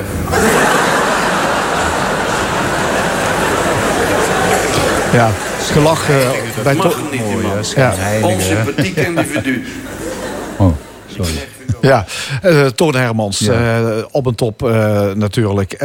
Nederland is tegenwoordig een multiculturele samenleving. Dat levert andere humor op. Ja, dan is, deze tijd. Ja, dat, dat, kun je wel zeggen. Ja, dat komt bij een ander land. Dat is meegenomen. Dat zit in de samenleving van die mensen. En uh, we hebben het nu over Amhal, uh, Najib Amhali. Geweldig ook, uh, fantastisch wat hij doet. Die speelt ook met de, met de verschillende opvattingen, waarden en normen. En, en kan dat heel mooi doen, vind ik. Uh, ja. Dus zullen we even luisteren? Ja. U heeft het over Najib Amhali. We hebben een vleugje multiculti humor. Uh, waarbij je dan dus moet weten dat Najib Amhali is een Marokkaanse Nederlander. Ja. En mij maakt het niet uit wie de taxi rijdt. Ik rij gewoon mee met een chauffeur die een beetje knappe auto heeft, een nette auto... en die chauffeur een beetje er verzorgd uitziet. Meer niet. Laatst ook stap ik in bij een Turks chauffeur. Turks chauffeur heeft een prachtige auto, ziet goed verzorgd uit. Maar ik stap in, maar hij kijkt me niet aan. Hij zit naar buiten te kijken zo. En hij zegt, waar naartoe? ik zeg, Centraal Station. ik ja, jij begint. hij kijkt me nog steeds niet aan. Hij zegt, welke Centraal Station? ja, die van Ankara, nou goed. hij zegt, oh, dat is een mooi ritje, man. ja, dus uh, de ene allochtoon neemt de andere allochtoon Precies. op de hak. Ja, Dat is, op eh, een eigen manier. Hè? Een manier die wij misschien iets, net iets anders zouden doen. Kan hoor. Ik, ik, ik- Ja, hij kan dit zeggen, Hij maar- kan het zeggen. Ja. Ik kan het niet zeggen. Ik kan geen humor maken over of iemand voor de gek houden die uit Marokko komt of, of uit Turkije. Dat past niet goed in de samenleving. Die moet je ook waarderen. Je, je kunt wel grapjes samen maken. Dat heb ik ook gedaan. Ja. Tijdens mijn veldwerk. Maar eh, het is, eh, je moet oppassen met dit soort dingen. Hij kan zich meer permitteren dan eh, een, een autochtone Nederlander. Ja. ja. Hoewel hij hier geboren, of bijna uiteraard, geboren is. ja, hij. hier opgegroeid, Hij kwam bij, ja. nou, naar Dor, dat was een van de plaatsen waar ik veel geweest ben tijdens mijn onderzoek. En daar kwam hij vandaan, maar hij is opgegroeid in, ergens in de buurt van Rotterdam, dacht ik. Ja, ja. ja. U wilde ook graag iets laten horen van Joep van het Hek. Wat maakt hem een grote humorist? Ja, dat is wat, wat pittigere humor. Hè? Dat is wat, wat, eh, ik, ik lees die stukjes van hem op de NRC altijd. En ik zie ook wel eens zijn, eh, zijn eh, optredens. En eh, ja, hij is heel scherp en soms ook een beetje gaat, schiet hij daarin door, vind ik zelf. Hè? Heeft, is hij, is hij is heeft hij zijn beste tijd misschien ook niet gehad... omdat hij bepaalde dingen niet meer aanvoelde? Ik bedoel, Ja. het eh, homofobe opmerkingen... of ja, dat soort dingen, ja, misschien wel. Daar heb ik wel eens aan gedacht dat dat het geval is, ja. Maar of het zo is, ja, dat is Ja. moeilijk te zeggen. Maar ik heb een vermoeden dat dat zo is, ja. Ja, we hebben nog een stuk van eh, Joep van Ja, Hek ook. Nee, maar ik kan ontzettend goed over onbenullige dingen denken. Bijvoorbeeld eh, Willem-Alexander, daar kan ik heel goed over nadenken. Eh, nou, Willem-Alexander, die kennen we allemaal. Hè. Die, je weet, die heeft een nieuw huis. Hè. Die heeft een nieuw vakantiehuis in Griekenland. En dat vakantiehuis, dat is vrij geestig, vind ik... ligt naast het vakantiehuis van Poetin. En nu heeft hij om zijn tuin heeft hij een heel groot eh, hek laten plaatsen. Want hij is bang dat die Poetin op een gegeven moment de tuin inkomt... en zegt, dat, dat is mijn barbecue. Daar is hij gewoon bang voor. En zegt hij tegen Poetin, dat is mijn barbecue, staat in mijn tuin. Zegt Poetin, ja, maar ik kan hem zien vanuit mijn tuin en is hij van mij. Laat maar. Maar. Ja, Ja, geweldig, Ja, en dat is trouwens al van jaren geleden. En eh, nog natuurlijk. zeer actueel. Zeer actueel, inderdaad. Ja. Ja. In elk land worden ook grappen gemaakt over andere bevolkingsgroepen. Ja. Dat heeft u eigenlijk overal wel gezien. Hè? Als je, ik zal maar zeggen, in, in, ook in Nieuw-Zeeland eh, zijn geloof ik de Schotten, dat zijn eh, de uitgekookte types. En in elk land is ook wel een bepaalde bevolkingsgroep die wordt voor dom versleten. Voor, voor de gek gehouden, ja, inderdaad. Ja. dat, heb, dat zie je universeel ook. Hè? Ja. Elk, elk land Dus- heeft wel een groep. Absoluut. Dit is etnische humor, noem ik het. En dat, wat, het, wat het ook voor etniciteiten zijn, dat doet er niet toe. Ze doen het vaak over elkaar. Ja. Dat, Ja. eh, Daar geef ik wat voorbeelden van. Hè? Ja, nou ja, we voelen hem aankomen. In Nederland zijn de Limburgers natuurlijk altijd de klos. Bijvoorbeeld Ja. nooit, nooit, nooit de Friesen. Die worden niet voor, voor dommig uitgemaakt. Ja. Maar de Limburgers natuurlijk altijd toch Ja. wel een beetje...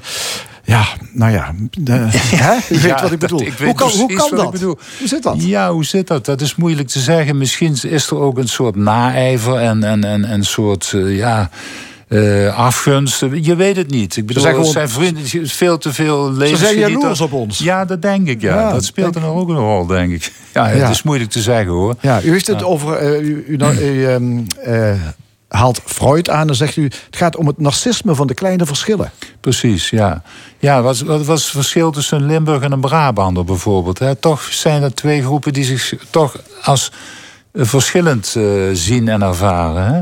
Het zijn de kleine dingen die, eh, die ertoe doen, kun je zeggen, ook in, in identiteitspolitiek en humor. Dat is heel belangrijk.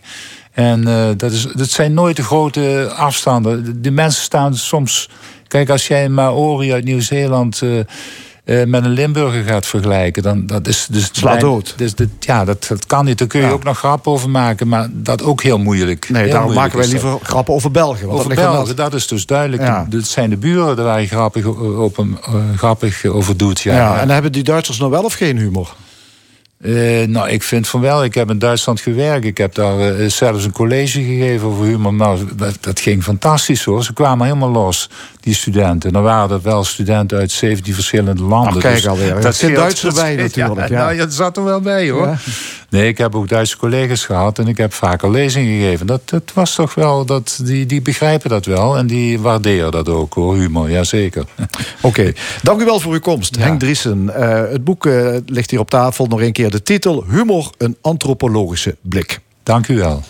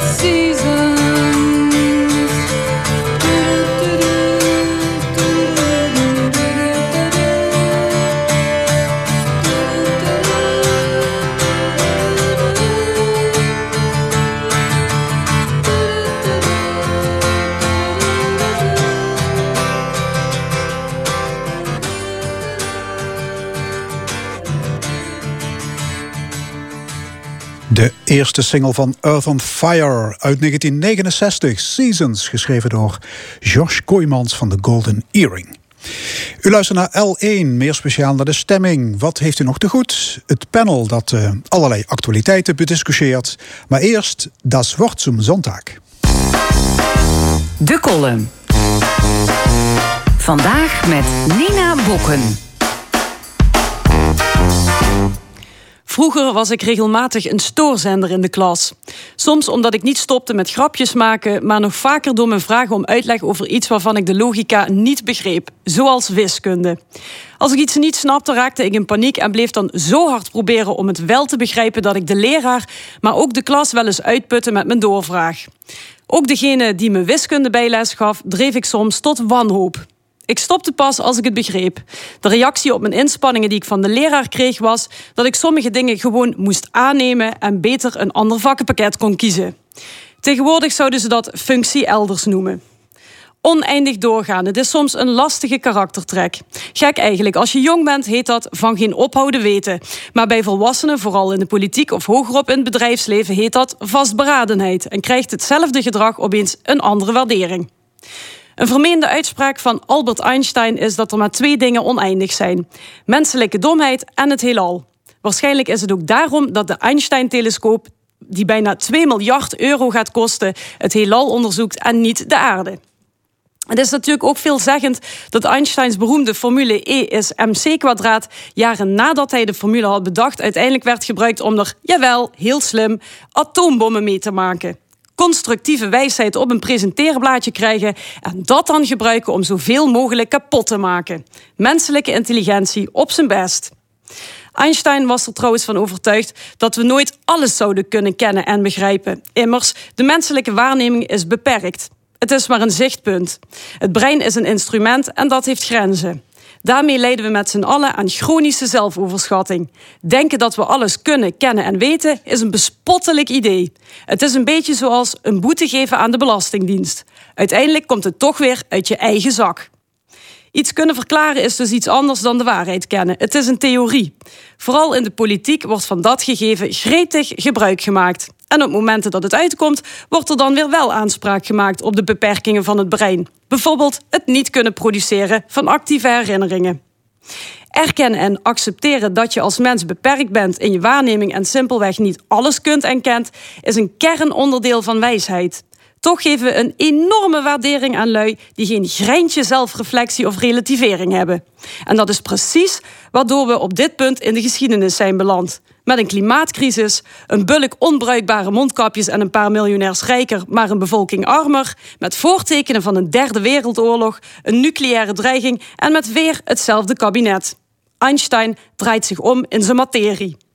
Je eigen grenzen herkennen en erkennen maakt je voor mij een stuk geloofwaardiger als leider dan wanneer je overtuigd bent van je eigen potentieel. In Nederland hebben we één politica die het wel heeft begrepen: Lilianne. Daarom zeg ik deze Pasen: danken voor die ploemen. De column van Nina Bokke. Het opiniepanel van Paaszondag is aangeschoven... en dit panel bespreekt het komende half uur het vertrek... van PvdA-fractieleider Liliane Ploemen, inderdaad... en de toekomst van de PvdA, zorgen over Sabiek en Netcar... en wat nog meer ter tafel komt. Ik stel aan u voor de oud-Tweede Kamerleden Monique Quint... van de Partij van de Arbeid en Jan de Wit van de SP... en voormalig Eerste Kamerlid Karel Leunissen van het CDA. Ja, het opstappen van Ploemen mogen we wel de verrassing van de week noemen. Uh, de politica vond zichzelf niet bedreven genoeg in het plenaire debat. En, ik citeer, schoot te kort om leidend en opinievormend te zijn op alle onderwerpen. Is dat een verademing, Karel Leunissen, om een politicus te horen zeggen... in sommige dingen ben ik gewoon minder goed? Nou, ik denk dat het heel goed is als je in staat bent als mens... en ook als politica of politicus om te kunnen zeggen van dit kan ik wel en dit kan ik niet goed. En als jij eh, fractieleider bent van een belangrijke partij zoals de PvdA... en je komt zelf tot de constatering dat je daar in tekort schiet... en er zullen ook wel van buitenaf wel signalen gekomen zijn... dan denk ik dat dat heel, een heel verstandige... Uh, ja, zelfreflectie is om dan te zeggen van... ja, dan moet ik er maar mee ophouden en netjes afscheid nemen. Vonden jullie haar ook niet capabel genoeg, Jan de Wet? Nou, ze is, is te geschoten in leiderschap? Ze is in ieder geval uh, weinig uh, opvallend geweest in, uh, in, het, in, in het politieke debat, maar ook daarbuiten. Ze is weinig opinievormend met nieuwe dingen of gewaagde dingen gekomen. Dus in dat opzicht klopt dat wel. En ik, ik vind het wel getuigen van moed als je van jezelf uh, naar buiten brengt. Jongens, uh, het, ja, ik ben toch niet de, geschikte persoon op deze post. Um, want dat kun je maar één keer doen. Want als je dat doet en je gaat toch door, dan ben je eigenlijk brand je jezelf af. Dus je moet dat, je moet dat wel op een uitgekozen moment doen. Um, en het is ook, eh, zeg maar, ook niet zonder gevolgen. Want uh, wat er nu gebeurt is dat de, de, de tegenstellingen binnen de Partij van de Arbeid... en ook binnen GroenLinks, want daar gaat het dan om... dat die toch openlijk nu uh, weer op tafel uh, liggen... met alle nadelige gevolgen van dien voor uh, toch de politiek, denk ik. Monique Wendt, je bent van de Partij van de Arbeid. Wat ja. vind jij van haar vertrek? nou, laat ik gewoon eens beginnen met te zeggen dat ik vind... dat Lilian Ploemen een van de weinige personen uh, intussen is die begrepen heeft voor welke opvatting over de maatschappij ze staat. Het was een sociaaldemocraat in alles wat ze deed. Um, ik moet nu verleden tijd zeggen, want dat is ze natuurlijk nog. Maar of dat ze nou minister was. Um, en we zijn weer even vergeten dat She Decides een uitvinding van Lidian Ploemen was. En als je op dit moment kijkt naar de oorlog in Oekraïne wat is dan weer een van de grootste problemen die in die oorlog opduikt, is verkrachten van vrouwen als een wapen in een oorlog. En zij heeft het lef gehad, en ik wil dat toch eens eerst even hardop zeggen, om terwijl meneer Trump uh, koud president van de Verenigde Staten was. En toen alle fondsen stop wilde zetten. om door dit soort uh, geweld vrouwen niet meer in staat te stellen. om uh, een abortus te krijgen. Um, omdat het aantal slachtoffers zich op de een of andere manier niet tot meneer Trump door, doordrong. En ook niet in welk deel van de wereld dat gebeurde. Namelijk in dat deel van de wereld waar constant oorlog is. Dat zij het lef heeft gehad om bijna de hele wereld te laten weten dat dit onacceptabel was. En daar heeft ze ook een waardering voor gekregen in een Aletta Jacob onderscheiding. Ja, okay, maar goed, dat is een nevenactiviteit. Hoe, hoe belangrijk nou, het ook is, dat pardon, heeft niks te maken pardon, met het pardon, leiderschap van de Partij van de Arbeid. Ik, ik, blijf iedere keer protesteren. De helft van de mensheid is vrouw. En dus is de helft van de mensheid tijdens een oorlog potentieel slachtoffer van deze vorm van geweld. Naast al die andere ja. vormen van geweld. Maar dat is niet de reden waarom ze het beltje Ik erbij wil nadrukkelijk stellen dat het een sociaaldemocraat in hart en nieren was... die de ongelijkheid als leidraad had in alles wat ze deed. Wat op dit moment speelt, en uh, Jan tipte daar al een beetje op... dat is dat we aan de vooravond staan, en al eigenlijk een hele tijd... dat willen we in de samenleving een aantal zaken anders doen... dan moet de linkse partijen over hun eigen schaduw kunnen heen stappen... en kunnen samenwerken om datgene wat ze willen bereiken... en ieder individuele partij heeft daar opvattingen over... dat die door krachten te bundelen ook een aantal dingen kunnen realiseren. Als je op dit moment naar de, de wereld kijkt, dan slaat je de schrik om het hart. Want we krijgen op geen enkele wijze de grootste problemen momenteel getackeld. En dat komt omdat de politieke versplintering immens is. En in dit land, als je kijkt naar de samenstelling van gemeenteraden als uitkomst van de gemeenteraadsverkiezingen, dan denk je, mijn lieve God, hoe gaan we dat in vredesnaam klaar Ja. krijgen? In met de Volkskrant stond vrijdag een opiniestuk hè, van de kopstukken Frans Timmermans en eh, Marjolein Moorman. Die pleiten voor nauwe samenwerking met GroenLinks. Jan de Wit, hoe heb jij dat stuk gelezen? Ehm, ik vond het een vreemd eh, stuk. Ehm, kijk, wat eh, Monique zegt over samenwerking... dat hebben wij ook altijd als SP eh, gezegd. Samenwerking, dat is cruciaal. Eh, zeker omdat je tegenover een steeds groter en, en, en, en krachtiger wordend rechtsblok komt te staan. Maar als ik nou dat artikel lees van, van Timmermans en Moorman... Dan, dan is dat dus vreemd in die zin dat eigenlijk uitgangspunt wordt de versnippering. Hè?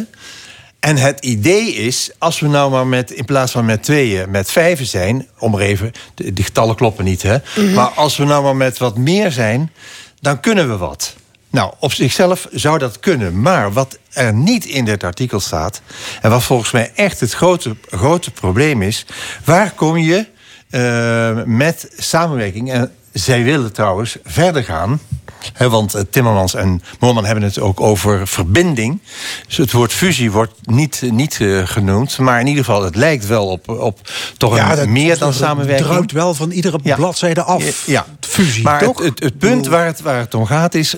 wat heb ik aan eh, meer mensen van een blok... PvdA GroenLinks, als er vervolgens een verwatering optreedt... in de standpunten die ze gaan innemen, in, in hun visies, in hun... eh, Dat weet je niet of dat tot verwatering Nou ja, dat is Nee, natuurlijk wel want het ze zijn al- ze nou, zijn dat is al- natuurlijk wel het probleem. eh, dus ik signaleer alleen maar het probleem... dat eh, wil je samenwerken, dan heb je hier toch twee verschillende partijen. GroenLinks en Partij van de Arbeid. dat- GroenLinks is gewoon een liberale partij geworden... in de loop van de jaren, zeker onder Jesse Klaver. En is het ook op een aantal punten eh, in het verleden... niet eens geweest eh, met de Partij van de Arbeid. Dat is natuurlijk ook zo. Maar op dit moment is, de, is GroenLinks een duidelijk eh, liberaal getinte partij. En dat zou... Zeker één stroming binnen de partij eh, absoluut niet uitkomen. Even Karel Leunissen. Nou, ik denk, ik denk dat dat toch niet helemaal eh, conform de waarheid is. Beide hebben ze het eh, progressief sociaal akkoord opgesteld. Waarin toch de belangrijkste ideologische eh, speerpunten van beide partijen eh, perfect overeenkomen. En dat zou een begin kunnen zijn van een goede samenwerking. En ik denk dat ze ook nog, eh, als je puur praktisch bekijkt naar het electoraat toe dat eh, de PvdA meer op de ouderen gericht is en de GroenLinks meer op de jongeren. Dat als men daar een geheel van zou maken en ook niet alleen aan elkaar plakken, maar in, in, in organisch geheel van zou maken, qua denken, opvattingen, dan zou met de tijd best dat een belangrijke partij kunnen worden die een heel belangrijke rol ook in de vaderlandse politiek zou kunnen spelen. Monique Wendt? Ik, eh, ik moet eh, Jan toch even historisch bijscholen. We hebben een CDA.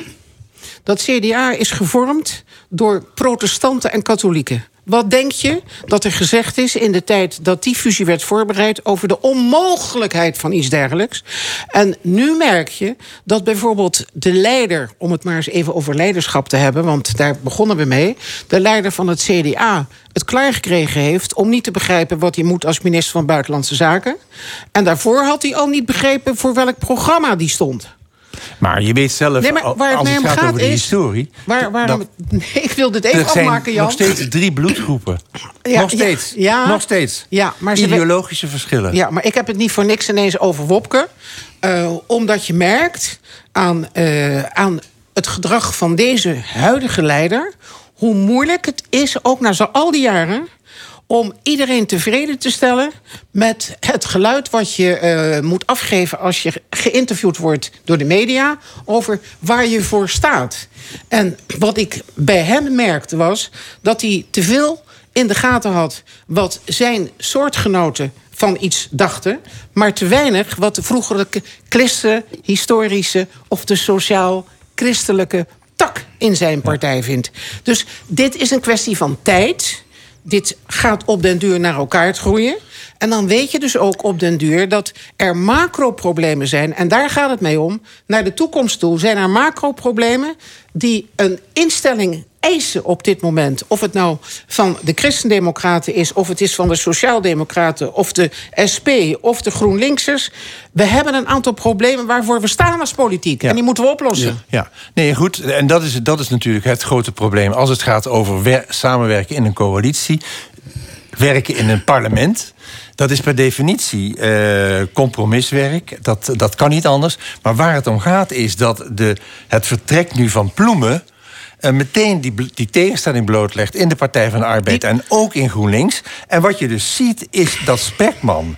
Spekman een hele andere opvatting heeft dan Lilianne Ploemen of dan Moorman. En dat Spekman wordt meer ondersteund door leden binnen de fractie van de Tweede Kamer, Kuiken en Nijboer, dan door eh, de andere Maar Jan, samen dus sta in je sterker om een progressieve politiek te voeren. Ben je het daarmee eens Ja, in natuurlijk, dat is ook zo. Dat is ook zo, En vind je het spijtig dat er niet de SP erbij is gevraagd... en D66 en de Partij voor de Dieren? Als het gaat over samenwerking hebben wij altijd gezegd dat moeten we doen.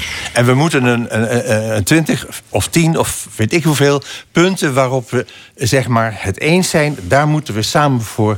Maar er zijn zo neem de hele afbraak onder kok begonnen van de sociale zekerheid. Alles is naar zijn malle moer geholpen door wat we vroeger aan het sociale zekerheidsstelsel Ja, en- hadden. en Maar onder- is dat PvdA ook achter Jan, inmiddels. Dat Dat- heeft de PvdA heeft dat veroorzaakt. En laten we zo zeggen, er zitten dus fundamentele verschillen in de Partij van de Arbeid zelf, maar ook in de Partij van de Arbeid ten opzichte van GroenLinks. Jan, ik en die snap- komen, ik snap- die ik komen snap op enig niet- moment Ik komen snap die. echt niet dat Nee, jij maar dat laat me durft nou te zeggen... terwijl de SP ook. ongeveer Laat- uit elkaar valt. Nee, nee, nee, nee. Kom op. Nee, nee, maar- maar ook, ook al zou de SP uit elkaar vallen, is voor mij nog geen reden om te zeggen: laten we dan nog maar twee of vier Nee, maar erbij dit is doen. verleden, maar dit is, dit is dus Mag ik als, als een zinloos intermediair om- Ja. iets zeggen? Even Karel Leunissen van het CDA. Ik denk dat als jij de, de sociaal, progressief-sociale eh, ideologie een kans wil geven en meer stem wil geven in het parlement op dit moment, dan zul je elkaar moeten zoeken en vinden op bepaalde ideologische zaken die je deelt. En nu is het zo dat al die partijen zich ook moeten profileren binnen die Kamer.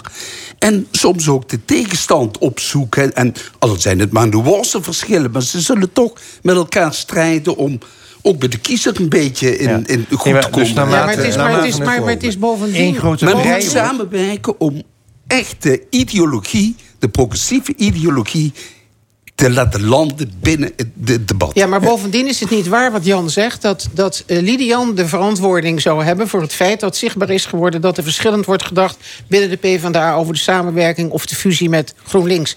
Die duidelijkheid is er al heel lang. Nee, maar ik zeg dat Wat- het juist Ja, maar blootlegt wat- nu. Ja, nee, maar en in alle eeuwigheid gaat dat spelen. Dat is het punt. Ja, maar Jan, dat probleem dat is er al heel lang.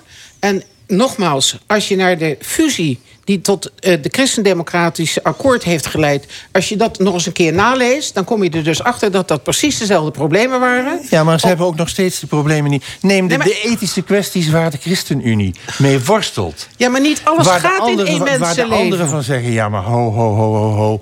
Daar gaan wij, eh, daar gaan wij niet zo'n duidelijk standpunt als de ChristenUnie. Ja, maar Jan- dus daar liggen grote verschillen Ja, maar Jan, die blijven. Dat en zou dat is jij het punt. moeten begrijpen, want ik weet niet of je het weet... maar de SP is wel eens de rode PVV genoemd. Dat was ook geen compliment. Ja. Omdat de SP zich zo nationalistisch opstelde... dat mensen zich afvroegen, is dat überhaupt wel een linkse partij? In alle stromingen die we in de politiek hebben... zie je dus voortdurend dat er een soort herijking gaat plaatsvinden over... past dat nog bij deze tijd? Kunnen we in de constructie die we nu hebben... in deze tijd de problemen oplossen... vanuit een bepaalde doelstelling die we hebben?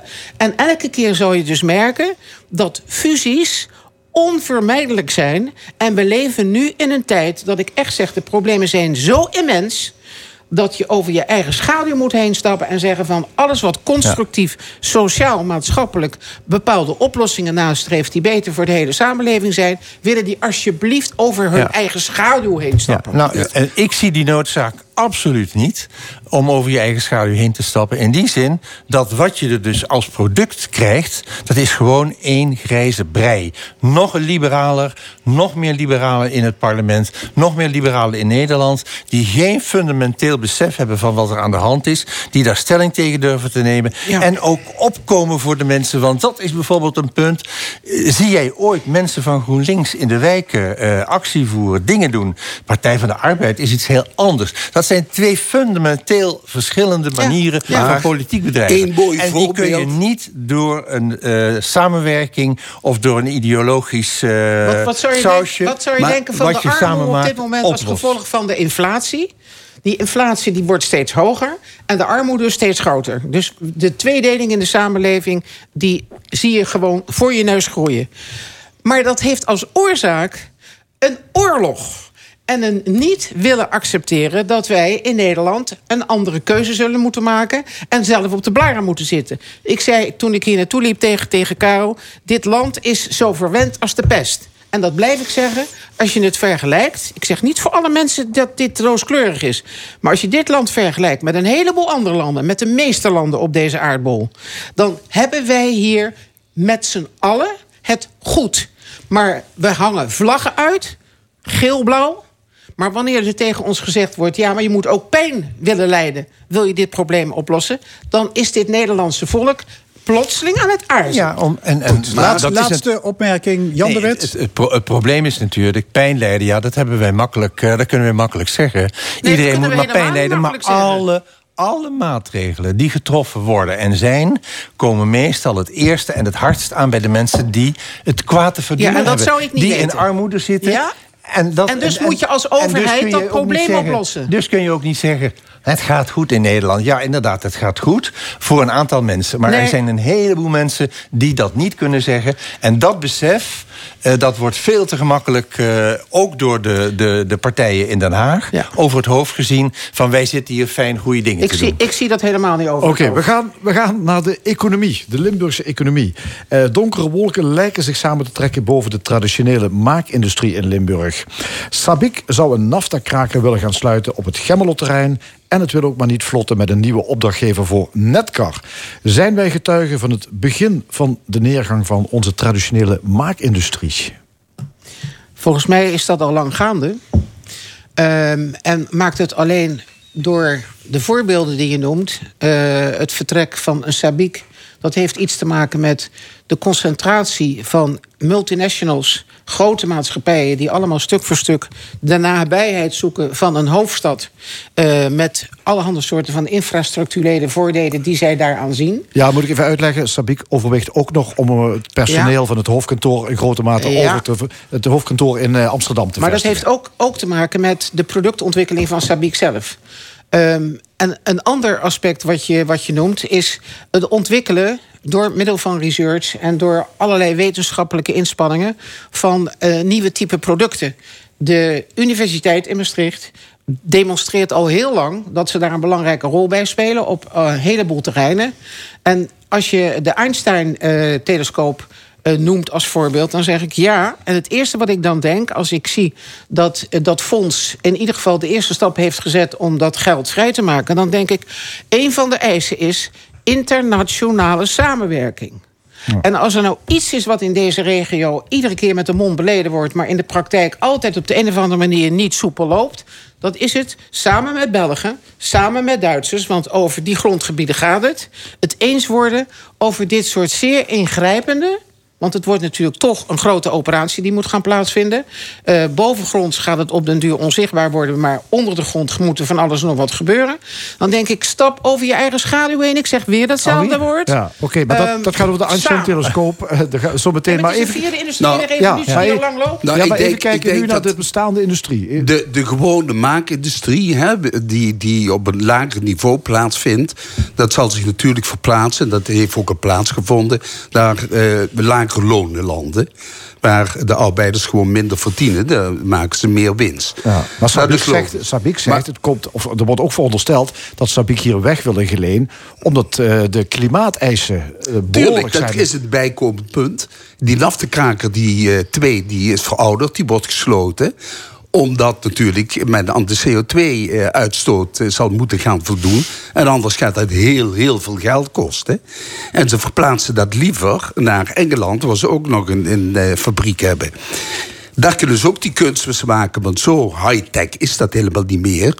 Kunstmest maken, allerlei butanen, methanen, wat ze daar allemaal produceren. En grondstoffen voor medicatie. Dat kan men elders ook. De toevoer, die eh, hoeft ook niet meer uit deze regio te komen.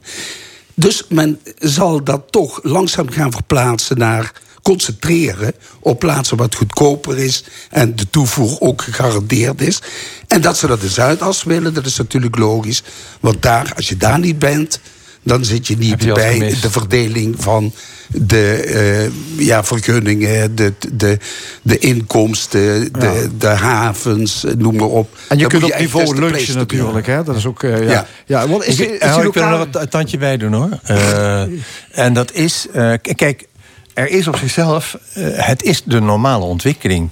Eh, als je kijkt naar het begin van de stoommachine eh, en als je kijkt waar we nu zijn, dat is de normale ontwikkeling die de technologie zeg maar doormaakt. Dat, je, dat je producten vernieuwt, dat je de methodes van productie vernieuwt, dat je kijkt hoe je nog beter, zorgvuldiger, zuiniger enzovoort. Dat vind ik niet oud en nieuw. Eh, ik vind dat eerder een proces dat iedere weldenkende ondernemer met zijn producten moet doormaken. Maar iets anders is dat, ehm, want je noemde zelf al de, de klimaateisen, klimaatakkoord, CO2-vermindering, uitstoot CO2-vermindering. Ehm, er, er is natuurlijk nog een ander scenario denkbaar. En dat is dat hè, Sabiek heeft wel te maken met verouderde eh, materialen die daar staan in geleen. Eh, zeker wat die ene naftakraker kennelijk betreft. Dus de een en ander combinerend. De klimaateisen, die dus zeer fors zijn. En het feit dat hun spullen daar verouderd zijn, zou hen op het idee kunnen brengen: weet je wat, wij moeten toch aan die klimaateisen voldoen. Als we nou eens tegen de overheid zeggen: wij gaan hier vertrekken. ehm, wat is het jullie waard als wij hier blijven? Als wij die klimaateisen ook nog eens een keer. Dus met andere woorden. Het is de, ook de bekende tactiek van je springt hoog en je zegt van wij gaan vertrekken. En de overheid zegt ja maar ho ho ho ho ho. Wacht even, dat hoeft niet. Want als jij eh, die productie, eh, als jij je klimaateisen wil halen... dan willen wij jou daar wel in tegemoet komen eh, als jij hier blijft. Hè, dus dat is ook, denk ik, zeker iets dat meespeelt. Niet alleen het, het banale verplaatsen van de productie naar een ander land... waar ze niet die hoge eisen hebben, maar ook wellicht het scenario van eh, laten we slim zijn en gebruiken we deze, eh, laten we zeggen, situatie om eh, subsidie van de overheid te krijgen? Dat denk ik niet. Ik denk dat, dat men bedrijfsmatig dat goed in de gaten heeft... dat men daaraan zal moeten voldoen. Dat kan niet anders. En dat men eh, op een, ergens in Engeland, ik weet de naam van die stad niet meer... maar dat men daar de gelegenheid heeft om een eh, nieuwe naftakraker op te bouwen... die ook eh, niet meer gebruik maakt van gas, maar van waterstof... En op die manier ook aan de klimaateisen gaat voldoen. En, ook nog een veel gunstigere ligging heeft... qua toevoer en qua afvoer van de producten. Maar waarom zou de Nederlandse overheid niet er kunnen nou- zeggen... dan mag, willen mag wij ik, mag ik hier even een ander aspect bij halen... Waar, waardoor ik eh, Jan inderdaad tegenspreek? Als er nou iets is waar Nederland intussen de rekening van betaalt... dan is het van het gedrag wat ze hebben tentoongespreid... toen het ging over energieprijzen. Ze hebben zich met huid en haar uitgeleverd aan Rusland... omdat het daar het goedkoopste was...